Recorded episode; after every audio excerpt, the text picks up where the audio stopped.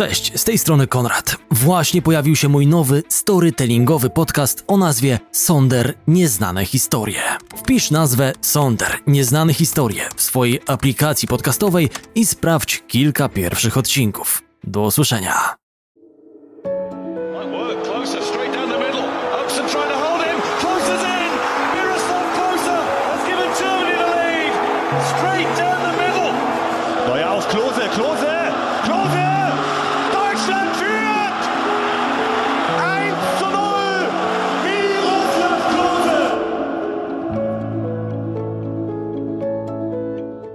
Historia taka jak ta prawdopodobnie nie wydarzyłaby się w dzisiejszym świecie futbolu. Obecnie coraz młodsze dzieci trenują pod czujnym okiem szkoleniowców w większych lub mniejszych akademiach, by w przyszłości zostać zawodowymi piłkarzami. Chłoną tajniki taktyczne, pracują nad techniką i jeżdżą na lokalne, jak i zagraniczne turnieje. Regularne ćwiczenia w profesjonalnych klubach nie gwarantują jednak sukcesu. Talent i ciężka praca nie zawsze wystarczają. Dlaczego? Odpowiedzią na to jest prosta matematyka. W każdej lidze jest ograniczona liczba miejsc, a chętnych co niemiara. Tym bardziej zaskakuje życiorys naszego dzisiejszego bohatera. W wieku 20 lat grał jeszcze na poziomie Ligi Okręgowej. Kibicował FC Kaiserslautern i oczami wyobraźni strzelał gole w barwach ukochanej drużyny. W rzeczywistości grał na poziomie amatorskim, a przygodę z piłką łączył z pracą na dachu oraz praktykami ciesielskimi. Czy w tak późnym wieku można jeszcze marzyć o profesjonalnej karierze? Czy można być snajperem światowej klasy, unikając jednocześnie wykonywania rzutów karnych? Okazuje się, że tak. Jego nazwisko zna dziś każdy kibic piłkarski. Należy do ścisłego grona najlepszych napastników, a lista jego sukcesów jest bardzo długa. Na koncie ma tytuł Mistrza Świata i najskuteczniejszego egzekutora w historii mundiali. Przez długi czas, niesłusznie, wzbudzał dość mieszane uczucia wśród polskich kibiców. Poznajcie drogę na szczyt Mirosława Kloze. Dzień dobry, drodzy słuchacze. Z tej strony Konrad Szymański. Na wstępie mała prośba z mojej strony. Pamiętajcie proszę o zostawieniu łapki w górę pod tym materiałem na YouTube, bo w ten sposób pomagacie zwiększyć zasięg podcastu, o co w dzisiejszych czasach walki o uwagę odbiorcy nie jest tak prostym zadaniem. Zwłaszcza z tak niszowym tematem jak piłkarskie historie w podcaście. Z góry dziękuję za każdą formę aktywności. Witajcie w podcaście Historie z boiska. Miłego słuchania. Historie z boiska. Ciekawsza strona futbolu. Mamy koniec lutego 2018 roku. Mirosław Kloze odwiedził Opole, miasto, w którym przyszedł na świat. Trzy lata po otrzymaniu tytułu honorowego obywatela Opola mógł wreszcie przyjechać i odebrać nagrodę podczas specjalnie przygotowanej uroczystości. Nowe zobowiązania wynikające z pracy trenerskiej po zakończeniu piłkarskiej kariery sprawiły, że jego grafik był mocno napięty. Wywołany do mikrofonu, tak komentował, oczywiście w języku polskim, to wyróżnienie. Dziękuję bardzo za te miłe słowa. Duży zaszczyt, zaszczyt dla mnie tu jest tutaj stać, ten z miasta Opola, ten e, medal dostać, ten taki fantastyczny prezent. Bardzo się cieszę tutaj być. Rodzice bardzo dużo mi o tym mieście opowiadali i wiem, że się tutaj e, urodziłem i w piłkę grałem, to pan miał rację. Grałem też na pewno moje pierwsze gole tam poszczelałem. E, wiem, że tam czy, tak, czy takie bloki duże stały, co żeśmy bardzo dużo, żeśmy się bawili, w piłkę grali i bardzo się cieszę tutaj stać i tutaj być w Opolu i na pewno jeszcze często tu przyjadę. Dziękuję bardzo.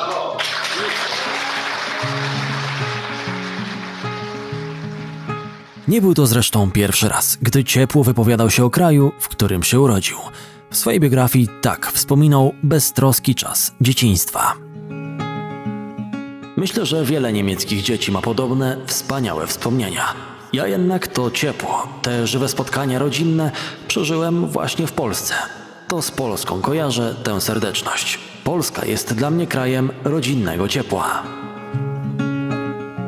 Krótkie przemówienie podczas opolskiej gali zakończyło się ogromem braw i wyrazami podziwu dla najlepszego strzelca w historii niemieckiej reprezentacji. Nie było krzywych spojrzeń, ani tym bardziej gwizdów. Obrazek zupełnie inny od tego, jaki Miro doświadczył podczas meczu Polska-Niemcy w Gdańsku w 2011 roku. Wtedy to biało-czerwoni zremisowali z zachodnimi sąsiadami 2 do 2, z czego dwie bramki, po jednej dla każdej ze stron, padły dopiero w doliczonym czasie gry. Przy niemal każdym kontakcie z piłką Klose był niemiłosiernie wygwizdywany. Sam napastnik był mocno zaskoczony takim obrotem spraw. Lubił Polskę, a z rodzicami od najmłodszych lat rozmawiał w domu w języku polskim. Podobnie czynił z własnymi dziećmi. Nie chciał, by następne pokolenie nie znało kultury swoich przodków. Jak sam twierdził, nie zrobiłby tego, gdyby kraj, w którym się urodził, był mu obojętny. Mimo to wśród opinii publicznej panowało przekonanie, że jest zupełnie inaczej w tej kwestii. Na tle bardziej wylewnego kolegi z reprezentacji z polskimi korzeniami, Lukasa Podolskiego, w oczach kibiców wydawał się zimny i zdystansowany. Ponadto wybrał grę dla reprezentacji Niemiec, a nie biało-czerwonych. Warto jednak pamiętać, że choć opuścił kraj nad Wisłą w wieku 9 lat, to żył w nim przez niespełna 3. Zaraz po urodzeniu jego rodzina wyemigrowała do Francji, gdzie spędził pierwsze lata swojego życia. Następnie, po powrocie do Opola, rodzina Klose wyjechała do Niemiec. Cała niechęć zaczęła powstawać kilka lat wcześniej, po wywiadzie, którego udzielił ojciec piłkarza na łamach jednego z polskich tabloidów. Senior Rodu zgodnie z prawdą stwierdził, że wszystko, co osiągnął w piłce jego syn, zawdzięcza jemu i niemieckim klubom. Niestety, inne, także niemieckie media podgrzały temat i przeinaczyły tę wypowiedź na swój sposób. Podczas Mistrzostw Świata w Niemczech w 2006 roku Mirosław odpowiadał na wiele pytań dziennikarzy. Reporterom z Polski udzielał wywiadów w języku polskim. Mimo to jedna z gazet zarzuciła mu, że w pewnym momencie przestał odpowiadać na pytania polskich mediów. Sam zainteresowany tak tłumaczył tę sytuację. Oczywiście nie mogłem odpowiadać wszystkim z 400 dziennikarzy. Prawdopodobnie minąłem jakiegoś redaktora z Polski, bo rozmawiałem przez 20 minut z innym. Ale żeby wyciągać z tego wnioski, że postanowiłem nie udzielać już wywiadów po polsku, trudno na coś takiego wpaść. Pięć lat po tych wydarzeniach napastnik reprezentacji Niemiec pierwszy raz miał okazję skonfrontować się z polską publicznością. Nie był zadowolony z reakcji, jakie słyszał, więc postanowił wyjść jej naprzeciw. Nie zamierzał chować głowy w piasek. Kiedy ogłoszono, że następne Mistrzostwa Europy odbędą się w Polsce i Ukrainie, poprosił o zorganizowanie wywiadu. Zazwyczaj sytuacja jest odwrotna. To media proszą niemiecki Związek Piłki Nożnej o możliwość przeprowadzenia rozmowy z jakimś piłkarzem. Mirosławowi zależało jednak, by zgodnie ze swoim sumieniem wyjaśnić całą sytuację do końca. W wywiadach udzielonych polskim mediom powiedział: Kibicowałem Polsce i Ukrainie. Tu się urodziłem, tu spędziłem część dzieciństwa i tu mam rodzinę. Poza tym moja żona pochodzi z Polski. Z dziećmi rozmawiamy po polsku i po niemiecku. Jak pan słyszy, mój polski jest nie najgorszy, choć czasem wtrącam niemieckie słowa. Nigdy nie zapomnę, skąd pochodzę. Czerwcu 2012 roku Miro ponownie wyruszył do Gdańska. Było to miejsce zgrupowania reprezentacji Niemiec na Mistrzostwach Europy. Piłkarz otrzymał tym razem mnóstwo ciepłych słów od miejscowych kibiców, a treningi kadry naszych sąsiadów cieszyły się bardzo dużym zainteresowaniem. Ponad 10 tysięcy fanów wykupiło wejściówki, by oglądać przygotowania niemieckiej reprezentacji do turnieju.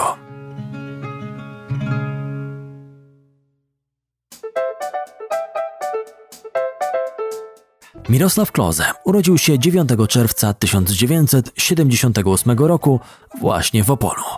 Można powiedzieć, że smykałkę do sportu odziedziczył. Ojciec, Józef, był świetnym piłkarzem, który przez 12 lat grał w Odrze Opole. Występował, podobnie jak wiele lat później jego syn, w niemieckiej reprezentacji z numerem 11 na plecach.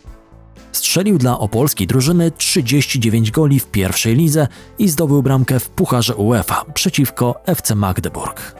W barwach francuskiego Auxerre dotarł do finału Pucharu Francji i awansował z nim do Ligue 1.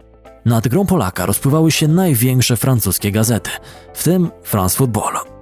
Matka, Barbara Jesz, była wielokrotną reprezentantką i mistrzynią Polski w piłce ręcznej. Mirosław nie potrafił jeszcze mówić, gdy w 1979 roku Józef Kloze został zawodnikiem OSER i wraz z rodziną wyemigrował do Francji. Nie dziwi więc, że to język francuski stał się pierwszym, w cudzysłowie, ojczystym językiem dla malutkiego Mirosława i jego trzy lata starszej siostry. Tu się wychowali i spędzili ponad pięć lat. Państwo Kloze rozważali pozostanie we Francji na stałe. Niestety, po zakończeniu kariery piłkarskiej trudno było znaleźć zajęcie, które mogło pozwolić wyżywić rodzinę. Prezes FC Chalon-sur-Saône, ostatniego klubu Józefa, zaproponował mu pracę przedsiębiorcy pogrzebowego. Finalista Pucharu Francji z Auxerre i zdobywca Pucharu Polski z Odrą Opole nie wyobrażał sobie codziennej pracy w pobliżu nieboszczyków, dlatego też podjął trudną decyzję o powrocie do Polski. Nagła zmiana otoczenia, jak życie miało pokazać, nie ostatnia, musiała być bardzo trudna dla rodzeństwa, które komunikowało się przede wszystkim po francusku. Barbara, mama Mirosława i Marzeny, zatrudniła więc prywatną nauczycielkę języka polskiego dla swoich dzieci, by było im łatwiej w nowej rzeczywistości. Nauczycielka nie była zadowolona ze współpracy. Mimo usilnych starań nie potrafiła sprawić, by dzieci porzuciły charakterystyczny francuski akcent. Chłopiec jednak odnalazł z rówieśnikami wspólny język bardzo szybko, dzięki, a jakże, piłce nożnej i dziecięcej zabawie. Kiedy nie miał towarzystwa, sam kopał futbolówką w ścianę, by poprawić swoje umiejętności. Potrafił to robić godzinami. Traktował tę czynność jak prawdziwy trening. Szare lata komuny nie należały do najłatwiejszych w Polsce. Braki żywnościowe, długie kolejki i brak perspektyw na lepsze jutro. W Opolu nie było inaczej. Rodzice myśleli przede wszystkim o przyszłości swoich dzieci. Dlatego też w 1987 roku rodzina Kloze podjęła kolejną decyzję o emigracji. Tym razem wybór padł na Niemcy. Józef znał ten język dzięki rodzicom, Ślązakom. Nowe życie na młodego Mirosława i jego rodzinę czekało w miasteczku Kuzel w Palatynacie. Chłopiec został przypisany do klasy zgodnej ze swoim wiekiem, choć wcale nie znał języka niemieckiego. Można sobie tylko wyobrazić, jak stresujące było to doświadczenie dla dziecka. Pewnego razu z płaczem wbiegł do domu i poinformował swoich rodziców, że nigdy więcej nie pójdzie do szkoły. Nauczycielka kazała mu coś zanotować, lecz jak można się domyślić, chłopiec nie zrozumiał polecenia. Widział za to pełen braku zrozumienia wyraz twarzy nauczycielki. Rada nauczycielska po tej historii postanowiła cofnąć Mirosława o dwie klasy ze względu na barierę językową. Od tej pory miało być tylko lepiej. Piłka ponownie stała się lekiem na całe zło i mostem łączącym go z innymi dziećmi. Te, dostrzegając podobieństwo w wymowie jego imienia Mirek, nadały mu przydomek Wirek, co tłumaczy się jako czworokąt. Czas działał na jego korzyść. Mirek integrował się z otoczeniem i coraz lepiej radził sobie z językiem. Do tego stopnia, że zaczął poprawiać rodziców, gdy ci powiedzieli coś niepoprawnie. Chłopiec, choć nigdy nie widział taty w akcji, chciał pójść w jego ślady i zostać piłkarzem. Nie zastanawiał się nad tym, że dzieci w jego wieku ostro trenują w klubach, mając podobne marzenia. Utalentowany młodzian zwrócił w końcu uwagę Erisia Bernta, opiekuna SG Blaubach Diederkopf. Gimnazjum w Kuzel z Mirkiem w składzie wygrywało niemal wszystkie lokalne turnieje, a on sam był jednym z najbardziej wyróżniających się zawodników. Chłopiec z radością przyjął zaproszenie do klubu. Wraz z kolegami z zespołu trenował trzy razy w tygodniu i marzył o tym, by któregoś dnia zostać piłkarzem FC Kaiserslautern. Z wypiekami na twarzy obserwował swoich idoli na stadionie imienia Fritza Waltera w towarzystwie trenera i przyjaciół z drużyny. Kiedy w wieku 13 lat Mirek kupił sobie szalik FCK, nie potrafił się z nim rozstać. Nie zdejmował go również podczas lekcji. Jak wszyscy w okolicy, wiedział, że liczą się tylko czerwone diabły.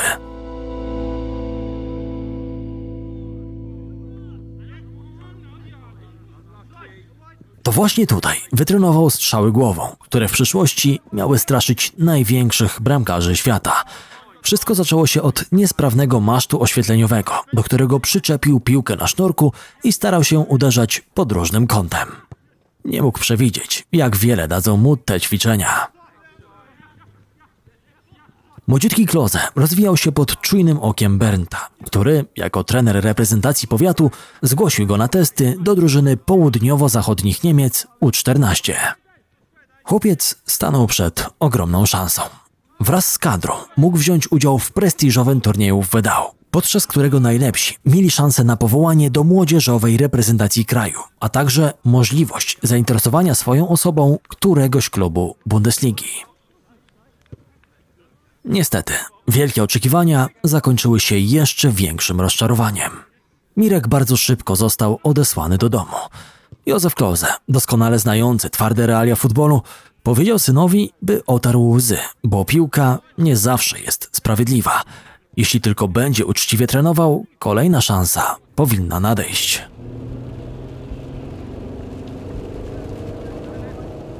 Wycieczki na mecze Mirka stały się rodzinną tradycją. Siostra Marzena tak wspominała tamten czas. Jesteśmy rodziną sportowców. Sport jest tematem naszych rozmów, nawet jeśli nie odziedziczyłam sportowej smykałki rodziny. Mimo wszystko nie buntowałam się przeciwko temu i wyszukiwałam wioski na mapie. Wyjazdy na mecze Mirka były naszymi weekendowymi wypadami.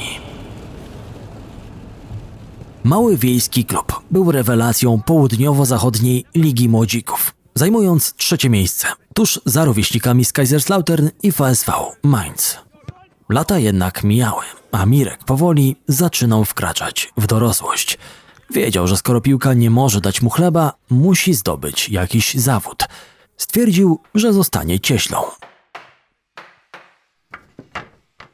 Z pieniędzy uzbieranych za pracę podczas praktyk kupił koszulkę FC Kaiserslautern z nazwiskiem swojego idola, Olafa Marszala. Z ogromnym zainteresowaniem podziwiał jego popisy z perspektywy trybun.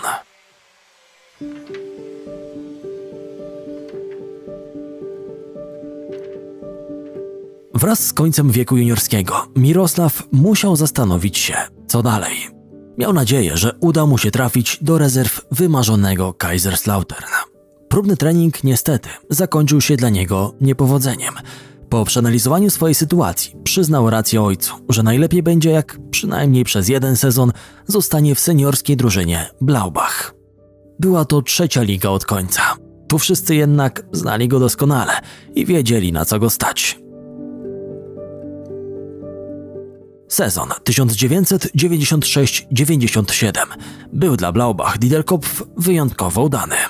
Drużyna, złożona niemal w całości z nastoletnich zawodników, zdominowała rozgrywki ósmej ligi, a 19 goli strzelonych przez Mirka walnie przyczyniły się do tego awansu.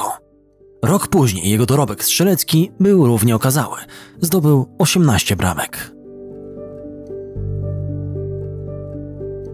Na horyzoncie ponownie pojawił się wymarzony klub dla Klose, czyli Kaiserslautern. Ówczesnym trenerem rezerw był dobrze znany polskim kibicom Stefan Majewski, który był zdecydowany na pozyskanie napastnika urodzonego w Opolu. Kiedy wydawało się, że marzenia bramkostrzelnego zawodnika wreszcie się ziszczą, czekało kolejne rozczarowanie. Ostateczna decyzja należała nie tylko do samego trenera, ale i koordynatorów.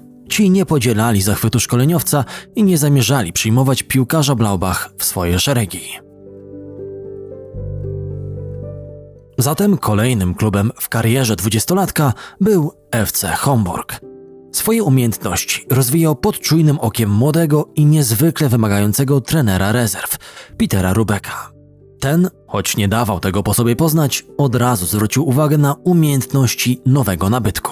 Szczególnie dziwił go fakt, że potrafi wybijać futbolówkę głową o wiele dalej niż niektórzy jego zawodnicy czynili to nogami. Ten element gry, strzały głową, miały stać się zresztą znakiem rozpoznawczym dla tego piłkarza. Podobnie jak wykonywane salta po strzelonych golach. Rubek słynął z twardej ręki i nieustannych krzyków. Lubił dokręcać śrubę swoim piłkarzom i rozpierała go ambicja. Mirosław przyznaje jednak, że nie był to dla niego problem. Jak sam wspomina, To, czy lubiłem mojego trenera, czy nauczyciela, nigdy nie zależało od tonu jego wypowiedzi. Lubiłem zarówno tych nudnych, jak i twardych, jak skała. Musiałem tylko czuć, że traktują mnie poważnie. Rytm dnia Mirosława określały praca i futbol. Pobudka po piątej, praca na dachu i trening. Szybko stał się wyróżniającym piłkarzem piątej ligi. Miał to coś, co pozwalało mu stwarzać sytuacje bramkowe i oszukiwać bezrannych obrońców. Dopiero w Homburgu zaczął zwracać uwagę na elementy taktyczne i niezwykle ważne w futbolu detale. Wspominając czas spędzony w FC Homburg, opowiada. Dla mnie to były wówczas nowe zagadnienia. Nigdy nie zastanawiałem się nad tym, jak najlepiej zabrać piłkę przeciwnikowi albo w jaki sposób utrudnić mu dribbling. Do tamtej chwili po prostu grałem dobrze. W Homburgu zacząłem naprawdę interesować się samą grą. Awans do pierwszego zespołu Homburga, rywalizującego w trzeciej lidze, był kwestią czasu. Kiedy w listopadzie 1998 roku Klose strzelił 10 gola w 15 rozegranym meczu, otrzymał powołanie od trenera Wernera Karca. Niedługo potem trener został zwolniony, ale nie zmieniło to sytuacji napastnika. Jego miejsce zajął bowiem trener doskonale znający umiejętności Mirosława, czyli Peter Rubek. Marne 500 marek podstawy i realny strach przed upadłością klubu nie przerażały młodego zawodnika. Podpisał w końcu swój pierwszy profesjonalny kontrakt, a wizja o zostaniu zawodowym piłkarzem zaczęła nabierać realnych kształtów. Niestety, była to trochę dobra mina do złej gry. Ze względu na ogromne problemy finansowe, klubowi groziła degradacja. W dodatku, po zaledwie sześciu rozegranych spotkaniach na poziomie zawodowym, Klose nabawił się kontuzji, która miała wykluczyć go do końca sezonu. Pierwsze diagnozy mówiły o złamanej kości śródstopia. Konsultacja u innego lekarza nie potwierdziła na szczęście czarnego scenariusza. Było to jedynie stłuczenie. Mimo ogromnego bólu, Mirek za wszelką cenę chciał jak najszybciej powrócić do gry. Miały tygodnie, a ból nie ustawał. Niemiec polskiego pochodzenia zaciskał jednak zęby i trenował dalej. Dopiero po wielu latach, będąc już piłkarzem Bayernu, gdy ból powrócił, odkrył prawdę. Kompleksowe badania wykazały, że kość rzeczywiście była złamana, a on w nieświadomości grał i trenował nadal. Pojawiało się coraz więcej telefonów z większych klubów, które wykazywały zainteresowanie jego osobą. Wierzył, że w końcu pojawi się ktoś z Kaiserslautern. Tak też się stało, dość niespodziewanie, w czerwcu 1999 roku. Treningi w rezerwach FCK łączył z pracą po 8 godzin w pracowni rentgenowskiej. Na pierwszego gola musiał czekać aż 7 meczów. Na treningach imponował jednak opanowaniem i startem do piłki. W drużynie rezerw spotkał kilku interesujących zawodników. Na przykład przyszłego bramkarza reprezentacji Niemiec czy Borussii Dortmund, Romana Weidenfellera. To właśnie tu któryś z jego kolegów powiedział do niego Miro i tak już miało zostać do końca kariery. Po pół roku przyzwoitej gry w rezerwach zapracował na zainteresowanie sztabu pierwszego zespołu. Na spotkanie z szefem zarządu, Jurgenem Friedrichem, młody napastnik wybrał się z ojcem. Profesjonalny kontrakt miał być niewiele wyższy od tego, który dostawał w rezerwach. Dlatego też za namową Klose seniora odrzucił propozycję. Rozumiał argumenty ojca i podzielał jego zdanie. Skoro dostrzegli w nim talent, tak łatwo nie odpuszczą. Mieli jednak nadzieję na pozyskanie młodego i perspektywicznego zawodnika po kosztach. To wszystko brzmiało racjonalnie. W głębi duszy był jednak przerażony. Obawiał się, że niepowtarzalna szansa, o jakiej marzył od dziecka, właśnie przechodziła mu koło nosa. W marcu 2000 roku, ponad trzy miesiące po wspomnianej rozmowie, otrzymał kolejne zaproszenie od trenera Otto Rehagela do pierwszej drużyny FC Kaiserslautern, która w tamtym czasie występowała na poziomie Bundesligi. Nie trzeba dodawać, że zaproponowany kontrakt był kilkukrotnie wyższy od pierwotnego. Od tej pory miał być częścią tego samego zespołu, w którym na co dzień grał jego idol, Olaf Marshall. Od razu dał się poznać z dobrej strony. Młody zawodnik nie odstawał na treningach i był zmotywowany do ciężkiej pracy, czym zasłużył na szacunek doświadczonych kolegów. W biografii Mirosława możemy przeczytać pierwsze wrażenie, jakie zrobił na bramkarzu Andreasie Reinke. Trenował jak szalony. To nieźle pasowało do Kaiserslautern, do tej paczki, którą tworzyliśmy. Miro najchętniej gryzłby trawę, byle tylko umieścić piłkę w siatce. Upragniony dla Mirosława dzień przyszedł 15 kwietnia 2000 roku. Klub z Kaiserslautern podejmował u siebie Eintracht Frankfurt i prowadził 1 do 0.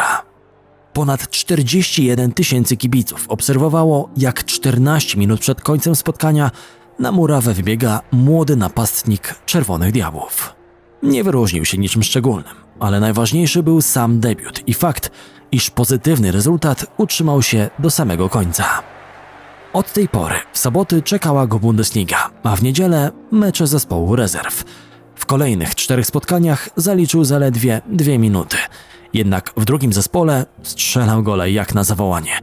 Było jasne, że 21-letni napastnik po prostu potrzebuje czasu, by odnaleźć się w znacznie bardziej wymagających realiach pierwszoligowych.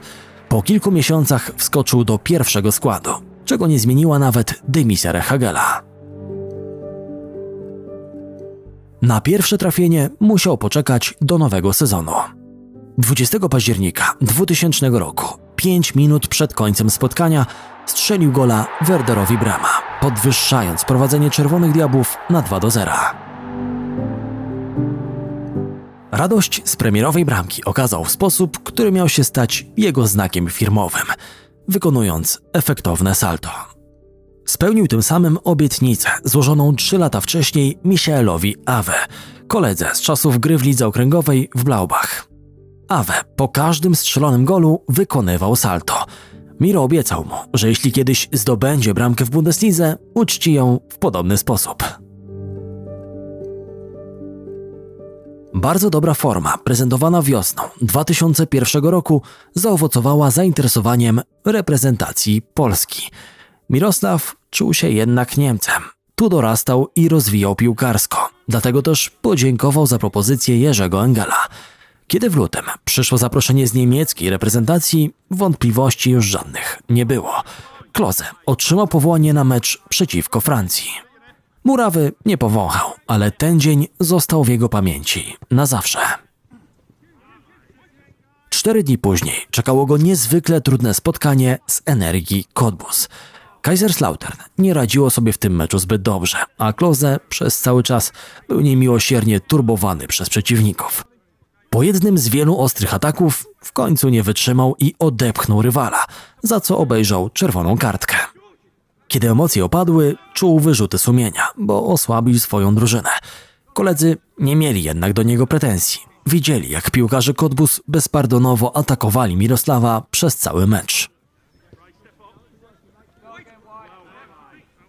Niefrasobliwe zachowanie nie zmieniło zdania selekcjonera Rudiego Fellera o Mirosławie, którego powołał na kolejne spotkanie przeciwko Albanii. Na boisku zameldował się na 18 minut przed końcem. Und wir haben einen Debütanten. Neu gebracht zu werden, Miroslav Klose vom 1. FC Kaiserslautern. Nie mógł wymarzyć sobie lepszego debiutu. Niemcy wygrali dzięki bramce jego autorstwa, zdobytej, a jakże, strzałem głową. Janka! Und da ist das Tor durch den Debütanten. Durch Salto Klose. W następnym meczu, w którym rywalem byli Grecy, również strzelił gola po wyjściu z ławki rezerwowych. Za ten udany początek w niemieckiej kadrze otrzymał butelkę szampana od legendarnego Fritza Waltera. Do dziś trzyma tę nagrodę w swojej kolekcji i traktuje jak wyjątkową pamiątkę. Mirosław Klose, który jeszcze dwa lata wcześniej mógł jedynie pomarzyć o Bundeslidze, został zawodnikiem reprezentacji, która miała walczyć o złoto podczas Mistrzostw Świata w Korei i Japonii. Spokojnie usposobiony napastnik musiał także walczyć o swoje. Od kolegów grających w Bayerze Leverkusen słyszał, że lider drużyny Michael Balak chętniej widziałby w pierwszym składzie Olivera Neuvilla, z którym grał w jednym klubie. Początkowo starał się to ignorować, jednak w końcu nie wytrzymał. Pomocnik niemieckiej reprezentacji wyraźnie wskazywał palcem na Mirosława podczas rozmowy z trenerem Fellerem, gdy Miro uderzył nad bramką. Zagotowany napastnik poczekał na koniec zajęć, przybliżył twarz do kapitana na niebezpieczną odległość i w dosadnych słowach powiedział, co myśli o takim zachowaniu. Była to najwyraźniej słuszna decyzja, ponieważ od tamtej pory wszystko układało się jak należy.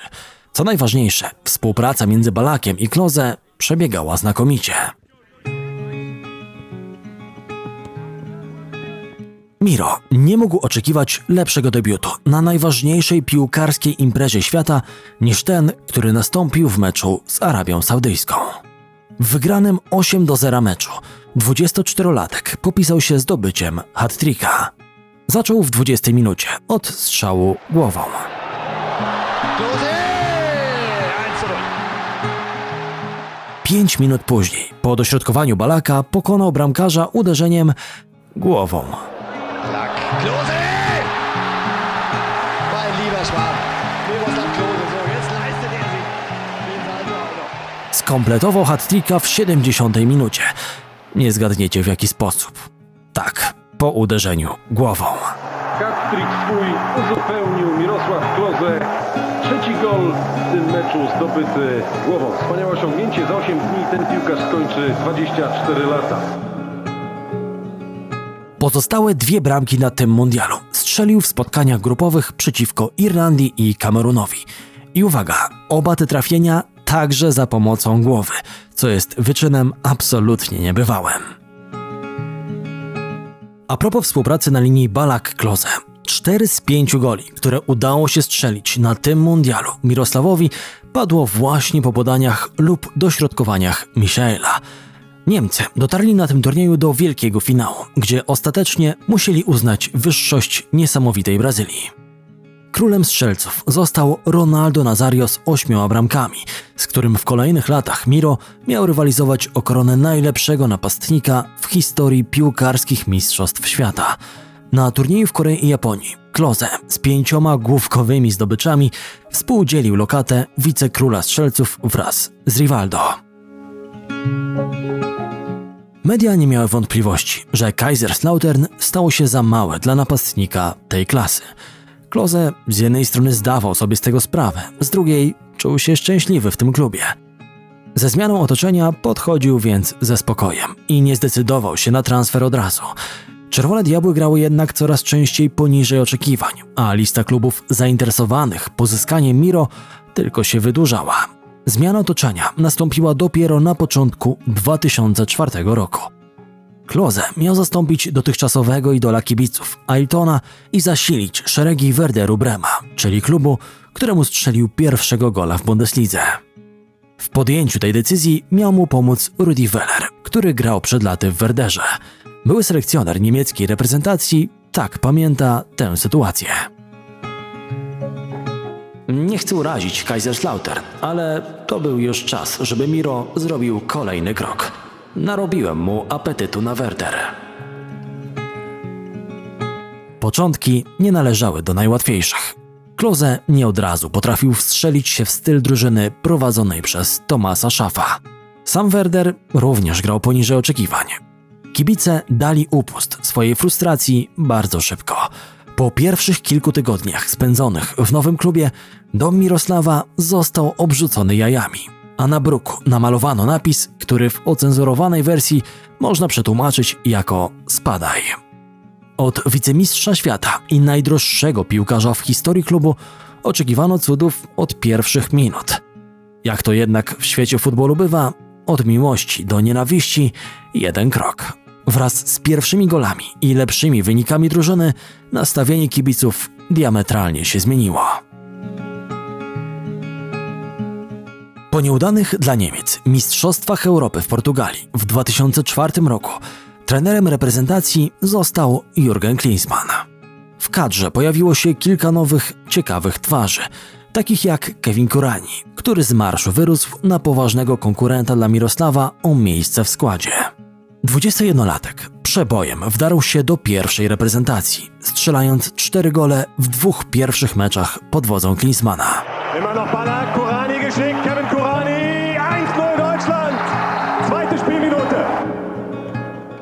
Statystyki Miro nie powalały przy tym na kolana. Od turniejów w Korei i Japonii udało mu się zdobyć trzy bramki w niemieckich barwach. Sezon 2005-2006 był jednak dla niego całkiem udany. Werder skończył go tuż za plecami Bayernu i z Pucharem Ligi Niemieckiej, a Klose z 25 golami został królem strzelców Bundesligi. Niestety tak kolorowo nie było już ze zdrowiem samego napastnika. Kiedy młodziutki Kurani strzelał gole podczas Pucharu Konfederacji, Mirosław przechodził rehabilitację po kontuzji kolana. Jego torebka stołowa zmagała się z chronicznym stanem zapalnym, przez co niezbędna była operacja. Parę miesięcy później, kiedy wydawało się, że po problemach zdrowotnych nie było już śladu, pech nawiedził go ponownie. W meczu Ligi Mistrzów przeciwko FC Barcelonie padł na murawę po walce o piłkę z meksykańskim obrońcą Rafaelem Marquezem. Skończyło się na złamanej żuchwie, przestawionej kości jarzmowej i zaburzeniach pola widzenia. Do gry wrócił po kilku tygodniach w specjalnie skonstruowanej masce ochronnej. Myślał tylko o zbliżających się wielkimi krokami mistrzostwach świata na swojej ziemi. Historie z boiska. Ciekawsza strona futbolu. Niemcy mieli ogromną ochotę na ostateczny sukces przed własną publicznością. Kevin Kurani, który parę miesięcy wcześniej wydawał się pierwszym wyborem trenera Klinsmana, nie znalazł się nawet w wąskiej kadrze na mundial. Klose wrócił do łask i brał odpowiedzialność za siłę ofensywną niemieckiej reprezentacji. Strzelanie na mundialu w 2006 roku rozpoczął od pierwszego meczu grupowego przeciwko Kosteryce 9 czerwca. Podałem konkretną datę, bowiem tego dnia Klose świętował 28 urodziny – i to w całkiem udany sposób. Najpierw dał prowadzenie Niemcom na 2 do 1 po podaniu Schweinsteigera.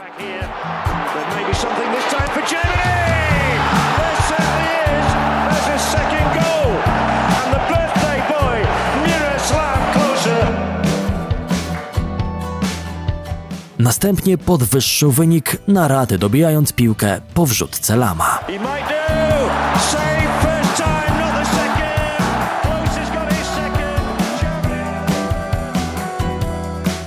Jak wielu z Was na pewno pamięta, w meczu z Polską nie udało mu się powiększyć dorobku strzeleckiego.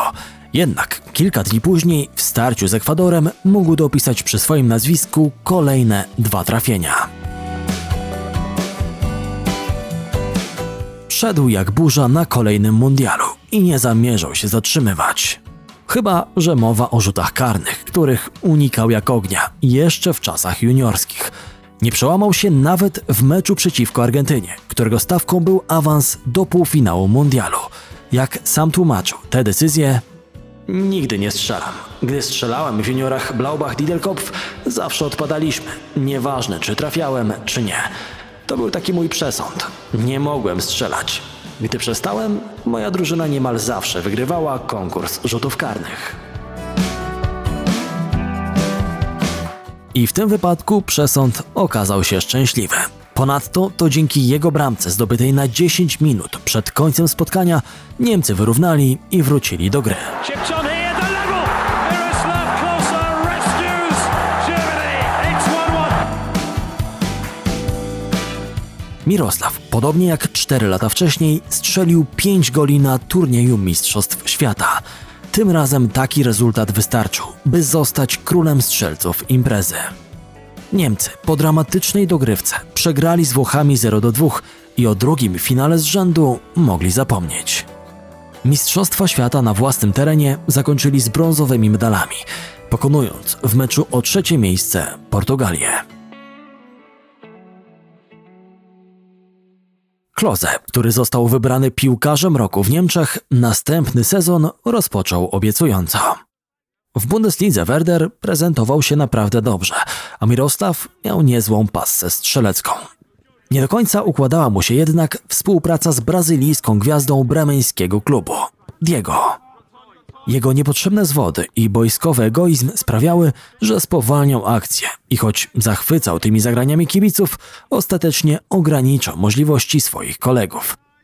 Mirosław, który nie słynął z dużego temperamentu, podobno któregoś razu był tak wkurzony po jednym ze spotkań na swojego kolegę, że po meczu miał przycisnąć go do klubowych szafek znajdujących się w szatni i przemówić do rozumu.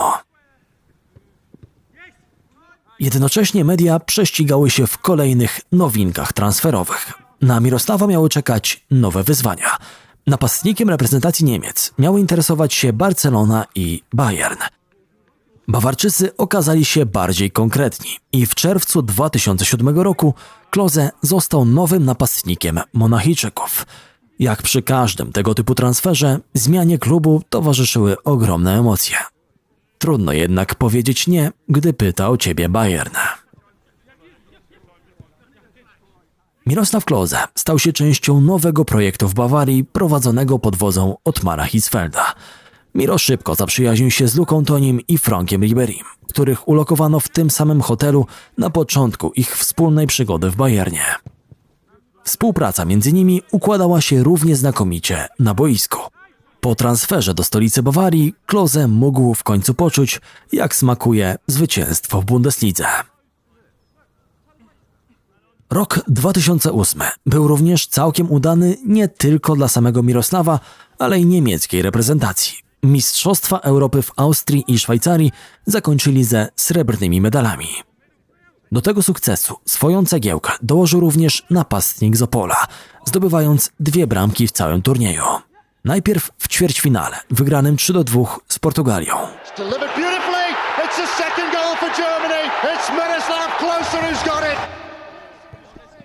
A następnie w meczu z Turcją, który zakończył się tym samym wynikiem. Chyba nie muszę wspominać, w jaki sposób zdobył oba z tych trafień.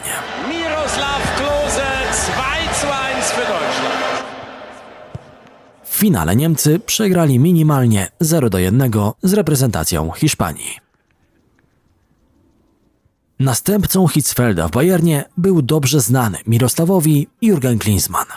Nie mając u swojego boku Joachima Lewa, Niemiec nie potrafił tak skutecznie kierować nowym zespołem.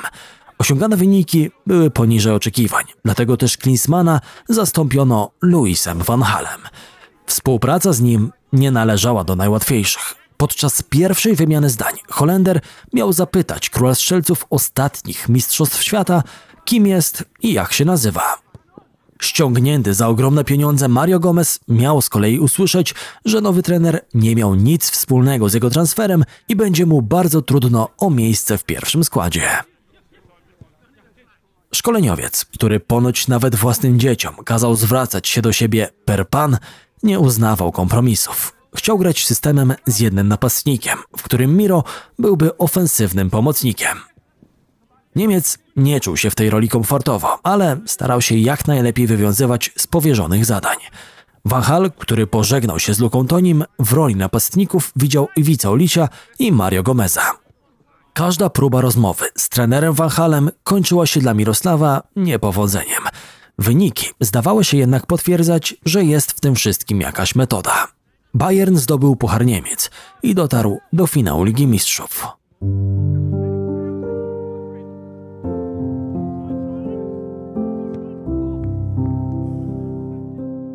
Miro był niezwykle sfrustrowany.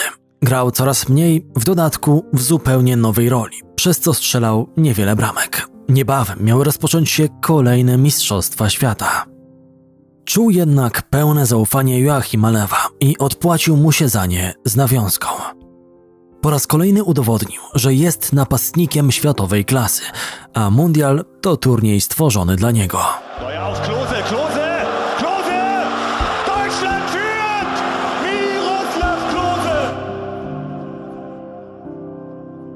Po bramkach z Australią i Anglią dopisał dwie kolejne w ćwierćfinałowym starciu przeciwko Argentynie, wygranym aż 4 do 0.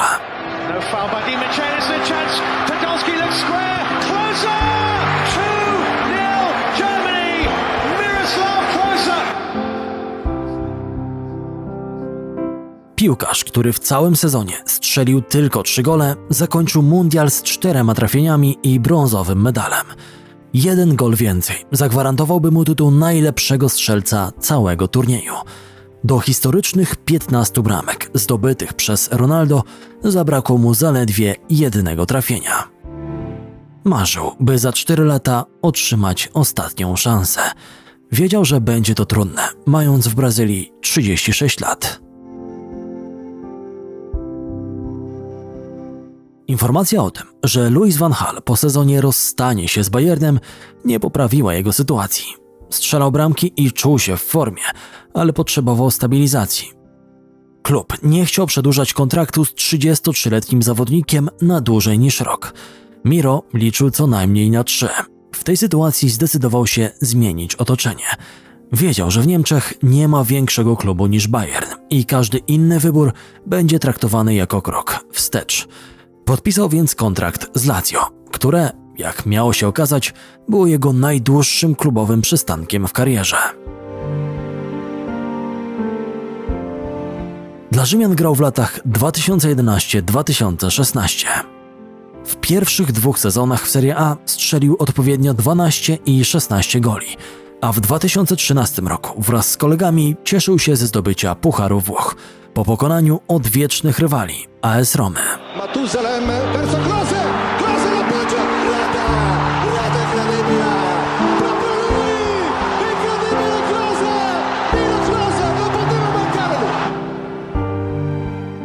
We Włoszech otrzymał również wyróżnienie fair play za swoją postawę. W meczu przeciwko Napoli strzelił gola pomagając sobie przy tym ręką, czego arbiter prowadzący spotkanie nie zauważył. Klose poinformował jednak sędziego o zaistniałej sytuacji, a decyzja o bramce została cofnięta. Nie był to jednak pierwszy tego typu gest ze strony Niemca. W barwach Werderu również potrafił przyznać, że nie był faulowany, choć jego drużynie przyznano rzut karny. Za tę postawę również został nagrodzony statuetką fair play. Mimo 34 lat na karku, znalazł się w kadrze reprezentacji Niemiec na Mistrzostwa Europy 2012 w Polsce i Ukrainie, z którą wywalczył trzecie miejsce. Swoją obecność na turnieju zaznaczył jedną bramką zdobytą w ćwierćfinale z Grecją. Wiedział, że będzie mu bardzo trudno wywalczyć miejsce w składzie na kolejne Mistrzostwa Świata. Nie przestawał jednak marzyć. Media niespecjalnie wierzyły jednak w jego przydatność na turnieju w Brazylii, mimo dotychczasowego ogromnego dorobku. W historii kadry nigdy nie było tak starego napastnika na mundialu, a on sam dawał coraz mniej powodów do zadowolenia. W kolejnych 20 meczach strzelił zaledwie dwa gole. Wiara lewa w Miro pozostawała jednak niezachwiana. Pochodzący z Opola napastnik nie mógł wymarzyć sobie lepszego zakończenia przygody z reprezentacją. Zarówno pod względem indywidualnym, jak i drużynowym był to rewelacyjny turniej dla Mirosława. Dzięki trafieniom przeciwko Ganie i w półfinale z Brazylią wyprzedził Ronaldo, stając się tym samym samodzielnym najlepszym strzelcem w historii piłkarskich mistrzostw świata z 16 golami na koncie.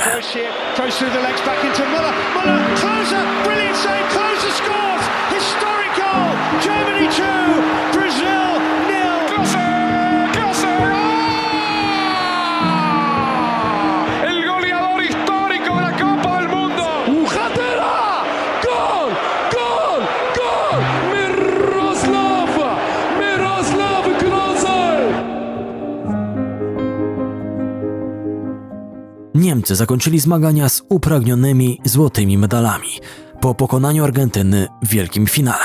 Gola na wagę zwycięstwa strzelił w dogrywce Mario Götze.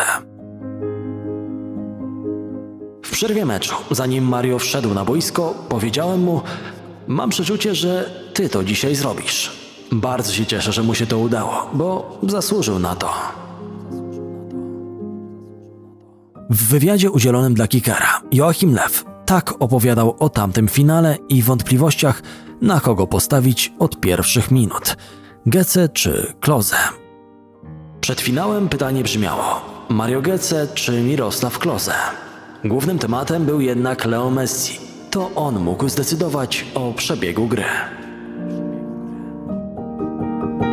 Wchodzącemu w tak trudnym momencie z ławki, cudownemu dziecku niemieckiego futbolu, miał wtedy powiedzieć: Pokaż, że jesteś lepszy niż Messi.